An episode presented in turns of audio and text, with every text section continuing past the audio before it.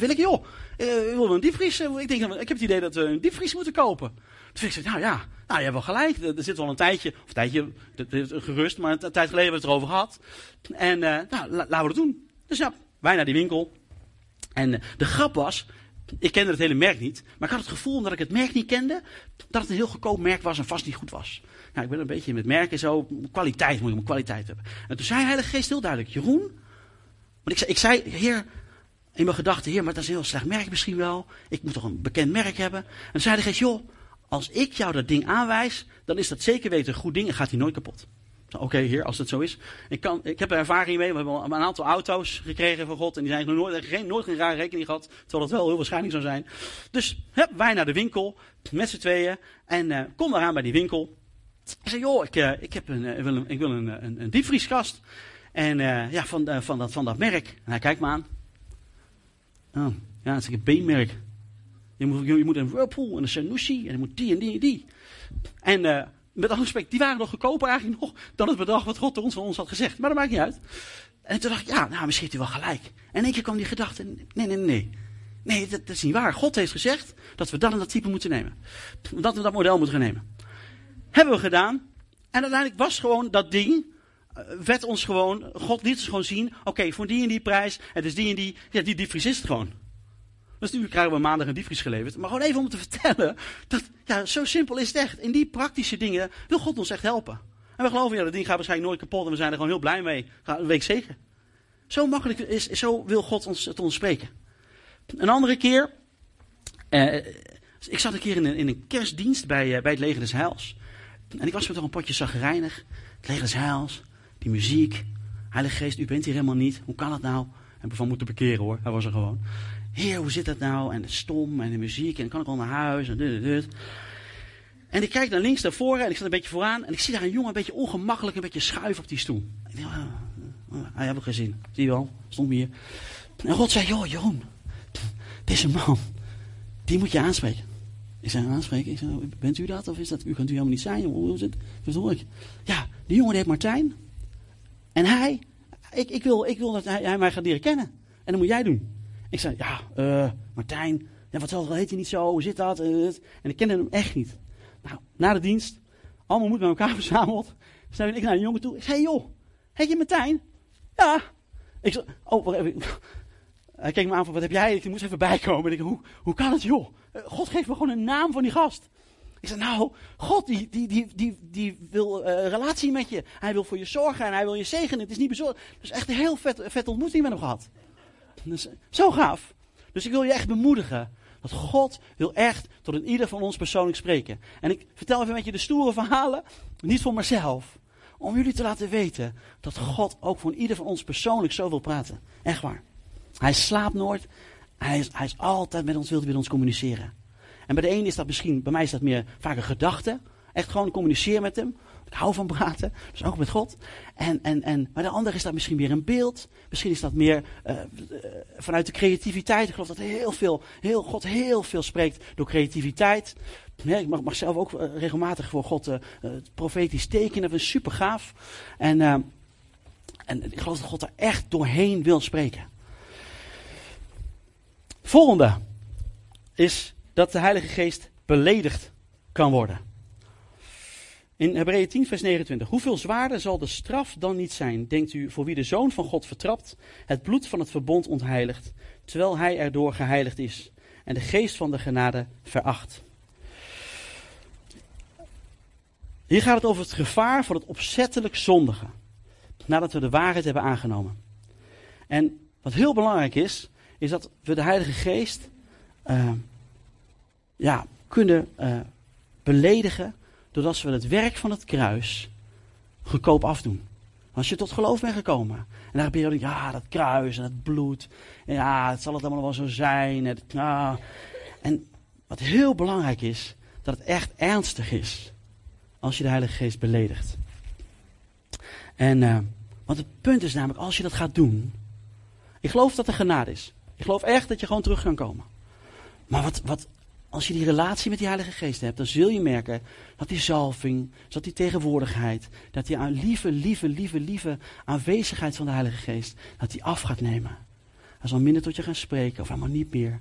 En je zult misschien gaan merken van, hé, hey, ja, als het in, dus let goed op als je de Heilige Geest beledigt.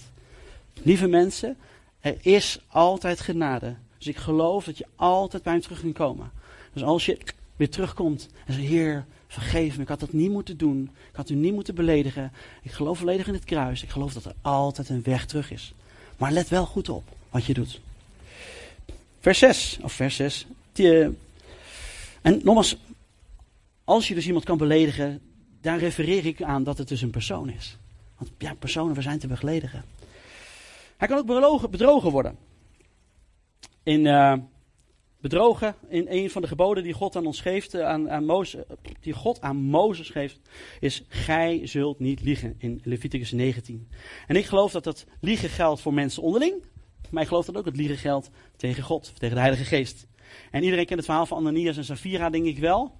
Dat uh, Ananias, en Safira die liegen over een stukje grond. Vanuit hun vrijmoedigheid, blijheid, geven zij, verkopen zij een stukje bezit wat ze hebben. En dat geld, dat geven ze aan de kerk, zo noem ik het maar even. Alleen wat zij doen, zij zeggen, joh, we hebben 100, ik breng even wat, we hebben 100.000 euro gekregen. We geven 80.000, want we zeggen dat we 80.000 hebben gekregen. En die andere 20 houden we apart. En die verhoudingen weet ik niet precies. Maar dat is eigenlijk wat er gebeurt. In handelingen 5 is 3. Dus eigenlijk liegen ze tegen God. En het aparte is natuurlijk dat God heeft ze helemaal niet gevraagd om dit te doen. God heeft helemaal niet gevraagd om dat stuk grond uh, te, te verkopen. Dus let goed op. Je kunt de Heilige Geest dus bedriegen. En in dit verhaal loopt het niet zo best af. Ik zal een stukje lezen. In Handelingen 5 vers 3. Maar Petrus zei tegen Ananias: Waarom heb je je door Satan laten misleiden en heb je de Heilige Geest bedrogen? Door een deel van de opbrengst van het stuk grond achter te houden. Eerst viel Ananias neer. En toen ze het aan zijn vrouw vroegen en die loog mee, viel zijn vrouw ook dood neer. En zo streng was de straf van de Heilige Geest. En goed onthouden, de Heilige Geest is een persoon die we kunnen bedriegen. En we moeten voorzichtig zijn dat ook de Heilige Geest almachtig en heilig is. Dus goed opletten in je wandel en je daden, wat je doet. Ik heb gelukkig hier zelf niet uh, ooit meegemaakt dat, dat, dat iemand dood is neergevallen. Maar vergeet niet, God zegt, wees heilig, want ik ben heilig. Dus goed over nadenken. Punt 7 is, uh, God kan gelasterd worden. In Matthäus 12, vers 31 en 32. Daarom zeg ik u, elke zonde en elke godslagstring kan de mensen worden vergeven. Maar wie de geest lastert, kan niet worden vergeven. En iedereen die iets de nadelen van de mensenzoon zegt, zal worden vergeven. Maar wie kwaad spreekt van de Heilige Geest, zal niet worden vergeven, nog in deze wereld, nog in de komende wereld. Het is een heftige uitspraak. Het is een uitspraak die heel veel christenen heel spannend vinden. Ik moet ik zeggen, ik vond het ook een beetje spannend om deze op te schrijven. Maar ik, ik hem toch, toch benadrukken. In de Bijbel staat heel duidelijk, als je de Heilige Geest moedwillig lastert, dat je dan niet vergeven kunt worden. Even dit verhaal in de, in de context, het is Matthäus 12. Jezus was bezig om het demon aan het uit te drijven. Sorry. Matthäus 12, vers 31 en 32. Jezus was bezig, maar had zojuist een demon uitgedreven uit een bezeten man. En hij werd beschuldigd dat hij dat deed uit de naam van Beelzebul. En dat is dan de vorst der demonen. En de mensen die waren verbaasd, wat gebeurt hier? Maar de wetgeleerden en de heersers van het volk, die waren ooggetuigen. En deze lui, die wisten dat het God was. Zij wisten dat God het was die het deed. Maar zij waren zo stinkend, stinkend, stinkend, stinkend, stinkend jaloers op die Jezus dat hij dat wel deed. Dus zij, uh, ja, hun, wat ze deden, ze wisten gewoon dat ze God opzettelijk lasterden. Toen ze zeiden, joh, dat doe je uit, de naam van Satan. Dat doe je niet, dat doe je niet uit de naam van, God. En hiermee lasten ze, lasterden ze de Heilige Geest en het werk van Jezus.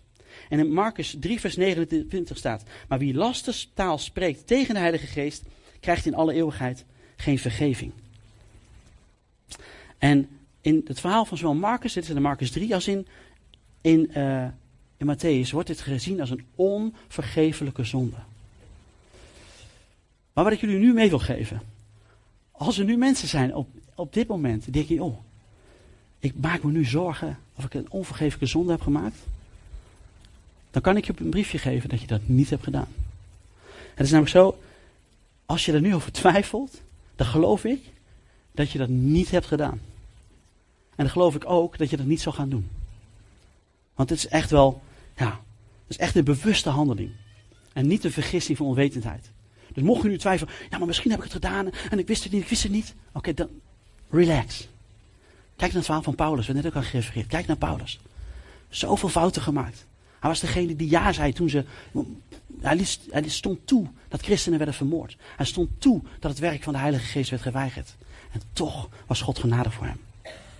Dat is goed onthouden. Gods genade is groot. Dus als je nu twijfelt eraan, loslaten. God is groter dan je hart. Dat is maar wel een ding waarvan ik, uh, ja, waar ik aan refereer, dat het is toch een persoon is. Nu een stukje voor punt 8, is dat hij kan worden weerstaan. En dit is een stukje voor, eigenlijk voor niet-christenen. In Handelingen 7, vers 51 zegt Stefanus: Halstarrige ongelovigen, u wil niet luisteren en verzet u steeds weer tegen de Heilige Geest, zoals uw voorouders ook deden. Hij sprak hier niet tegen gelovigen, maar tegen ongelovigen. En ik geloof dat als je dus, ja, niet gelooft, dan kun je dus gewoon de Heilige Geest blijven weigeren. Dus het is uh, ja, mogelijk om te weerstaan. En uh, Hè, misschien heb je, ik spreek uit eigen ervaring en mensen in mijn omgeving. Ik probeer steeds over God te vertellen, steeds te, best wel het bidden. En het lijkt alsof ze steeds weerstaan en weigeren en zeggen, joh, ik wil dat helemaal niet, ik wil er niks mee te maken hebben. En ik geloof, omdat Jezus en de Heilige Geest zo liefdevol is, dat hij dagelijks bij deze mensen op hun hart klopt. En toch weerstaan ze dat. Dus voor ongelovige mensen kunt u weerstaan. En het laatste punt wat ik heb, is hij kan worden uitgedoofd. De wereld kan de Heilige Geest tegenhouden, maar wij kunnen de Heilige Geest uitdoven. In 1 Thessalonicense 5, vers 19 wordt ons opgedragen. En hij spreekt in, uh, tegen onze broeders en zusters. Doof de geest niet uit. Er is dus een groot verschil tussen de geest weerstaan en de geest uitdoven. Ben je helemaal tot geloof gekomen? Hij de geest ontvangen in je leven? Dan kun je hem, ja, is, is, heeft het niks te maken, dan kun je hem dus niet weerstaan, maar kun je hem dus uitdoven. Een kind van, van God kan de geest uitdoven. En ik wil je bemoedigen. Hoe doof je de geest nou niet uit? Dus hoe doof je de geest nou niet uit? Door de geest uh, toe te staan om zich aan je te laten openbaren. Dus als jij gewoon vraagt naar de geest. Ja, kom alstublieft, laat me zien wie u bent en ik wil met u praten, ik wil met u zijn. Dan doof je de geest niet uit, want God komt naar je toe. Ga bidden. En bidden is gewoon praten met God. Het hoeft niet allemaal op je knieën en oh heer, allemaal trucjes en moeilijke woorden. Nee, gewoon. Heer, hier ben ik. In de Bijbel staat, nader tot God en hij zal tot u naderen. Ik geloof dat daardoor de geest niet uitgedoofd wordt. Neem tijd met God. Als, als de Heilige Geest een, een, een vriendschap met je wil, een persoonlijke relatie uh, met je wil. Denk na over een, een relatie die je met een persoon hebt. Hoe, als je een persoon jaren niet hebt gezien, ja, dan is dat vlammetje van die vriendschap een beetje uitgedoofd. Maar neem je de moeite, neem je de tijd om regelmatig contact met elkaar op te nemen, al is het via Skype, dan blijft dat vlammetje van die vriendschap gewoon branden. En zo is het met de Heilige Geest ook. Dus neem tijd met God. Een andere, eh, om eh, de geest niet uit te doven, is door te gehoorzamen dat God van je vraagt, of wat, wat hij zegt. als God tegen je zegt, joh, zou je misschien dit willen doen of dat willen doen. Of, maar ja, als je dat gewoon blijft luisteren, dan, dan zal die geest niet worden uitgedoofd. Een andere is dat uh, strek je uit naar de gaven van de geest. Als in de Bijbel staat heel duidelijk, strek je uit naar de gaven van de geest ter opbouw van de gemeente. Halleluja. Dus strek je uit naar die gaven. En God zal je dat gaan geven, want de Heilige Geest deelt het toe. En daarmee zul je de, geest niet uitdoven. Een ander is Bijbel lezen. De volgorde is in feite niet zo belangrijk. Bijbel lezen ook zo belangrijk. En uh, iedereen zegt, oh, Bijbel lezen, Bijbel lezen. Maar de Bijbel is het woord van God. En het woord van God is levend en krachtig. Scherper dan een tweesnijdend zwaard. En diep, dringt diep door in ons binnenste. Waar merg en been ons scheidt. Dus ik geloof als je gaat Bijbel lezen. En mij is geleerd, destijds, van Christian nog, Jeroen. Ik zei, heer, ja, ik Bijbel lezen, ik heb soms geen zin. Jongen, maakt niet uit, gewoon lezen. Al zijn het saaie stukken, maakt niet uit, gewoon lezen. En het mooie is, wat ik in het eerste begin zei, dat de Heilige Geest ons alles in herinnering brengt. Nu krijg je nog dingen vers in mijn gedachten. Ik, heb ik nooit gelezen. Hoe, hoe weet dat? Ik geloof dat we een Bijbel lezen, dat God daar doorheen kan werken. En ik geloof dat het vlammetje van de Heilige Geest, dat het niet uitgedoofd wordt. En uh, als laatste ik opgeschreven, maar dat had ik ook al gezegd, is de Heilige Geest gewoon bewust vragen. Neem tijd. En uh, Vraag, nodig hem uit. Heilige Geest, hier ben ik, wilt u komen? En ik uh, heb een aantal jaren geleden, uh, vanaf ja, ja, begin van mijn keer, heb ik geleerd van oké, okay, even rustig te zijn. En voor mij is het heel belangrijk. Ik merk gewoon, als ik nu zelfs voor het publiek sta en ik doe mijn handen open, de Geest wilt even komen. Dan merk ik gewoon dat God me nu op dit moment aanraakt. Dat hij gewoon even bij me is. Dat hij mijn hart even rustig maakt. Dat hij zegt, hé hey je doet het hartstikke goed. Ben gewoon bemoedigd. En is bewust even die tijd te nemen. Hetzelfde, ik refereer altijd vaak als ik, als ik wegga en ik ga uh, naar mijn werk toe. En ik, even Willeke, ik geef er even een huk, even een knuffel of een kus. De meiden ook even een kus. Van joh, ik ga even even weg. Heb een leuke dag. Even die tijd nemen. Om, om, en dan neem ik met een afscheid. Maar ook gewoon die tijd nemen met, met, de, met de ochtend in de ochtend. Even rustig. En ik ben heel eerlijk. In het begin kostte me dat heel veel tijd en energie. Ik ging zitten en bidden. Voel ik God, hoor ik God. Hij zegt niks. Waar is hij nou? Kan het nou? Waar blijft hij nou? Maar ik merk nu door de jaren heen. Is gewoon oké. Mijn hart is geopend, eh, continu naar hem. En merk ik gewoon. Dus het is ook die relatie. Je ziet het maar zo. Met een bepaalde vriendschappen. Misschien, eh, eh, volgens mij is dat ook een beetje een mannending. Ik heb, mensen zie ik jaren niet. En we zien elkaar weer even. En pat, en je weet gelijk dat het goed zit. Nou, bij de Heilige Geest is het niet handig om hem jaren niet te zien. Maar wel dat moment van, als je even bent, hoeft maar even iets te zien. En, en je, weet, oké, het zit goed. U bent er. Dank u wel. Nou, dit zijn voor mij dus de belangrijke kenmerken waaraan ik weet en refereer dat de Heilige Geest een persoon is. Die een relatie met ons wil. Die met ons wil zijn. Die, uh, ja, die van ons houdt. Die ons geeft. En ons wil helpen om uh, ja, het leven te leven wat Jezus voor ons heeft. Ik heb nog een paar dingetjes opgeschreven over het verschil tussen die kracht van de Heilige Geest. Als je daarin uh, denkt, oké, de Heilige Geest is een kracht. Of de Heilige Geest is een persoon. Als hij een kracht is, dan willen we over hem beschikken. Wat ik in het begin vertelde, oh, de Heilige Geest, vet, bidden, bam, er gebeurt dit, gebeurt dat, oh, cool, cool, cool. En nou heer, ik wil meer, ik wil meer. Maar als hij een goddelijke persoon is, een vriend van je wordt, dan wil je dat hij over ons beschikt. Dan gaat het er niet om dat ik naar voren loop, oh, moet bidden en moet genezen. Nee, nee, nee. Dan wacht ik af. En zeg God, nou Jeroen, nu is het tijd. Ga maar. Dat is het grote verschil. Dus niet mijn wil, maar zijn wil. Als hij een kracht is, dan volgen we onze eigen wil en eigen inzichten. Als zien we als een persoon, dan kunnen we ons aan hem overgeven. En gaan vertrouwen. Oké, u zorgt. U bent altijd bij me. Als de Heilige Geest een kracht is, dan ben je trots. Zoals ik dat was in het begin. Oh, ja, God werkt krachtig door me heen. Halleluja. Wat zullen de mensen wel niet van me denken? Ik ben heel goed.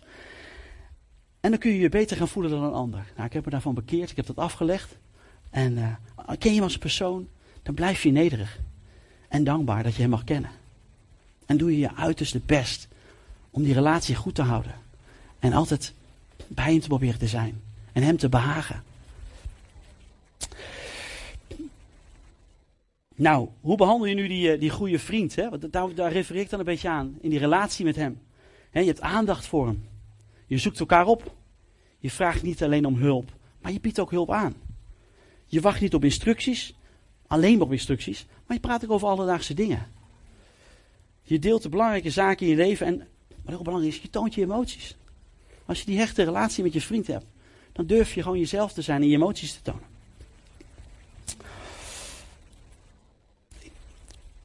Voor deze ochtend is het, probeer de Heilige Geest lief te gaan hebben. Hem te gaan zien als een persoon, als een vriend. Niet, als, alleen zijn kracht, maar juist in die relatie met hem. En geef, durf je over te geven aan Hem en aan Zijn liefde. En je zult merken dat als je je gaat overgeven aan Hem, dat er meer vrijheid is dan je ooit hebt kunnen voorstellen. Als je dan zo verlangt naar wonderen en tekenen, naar geestesgaven, geloof ik, als je vanuit die relatie met Hem gaat wandelen, dan zul je nog meer meemaken dan dat je ooit hebt meegemaakt. Dan zul je nog intiemer met Hem wandelen dan je ooit gedaan hebt. En ik geloof dat de Heilige Geest dit heel graag wil. En daar wil ik ook een beetje mee afsluiten. Dat was het voor deze ochtend. Ik wilde meedelen dat de Heilige Geest wil dat hij een persoonlijke vriend van ons is. Dat hij met ons wil wandelen. Dat hij met ons wil zijn.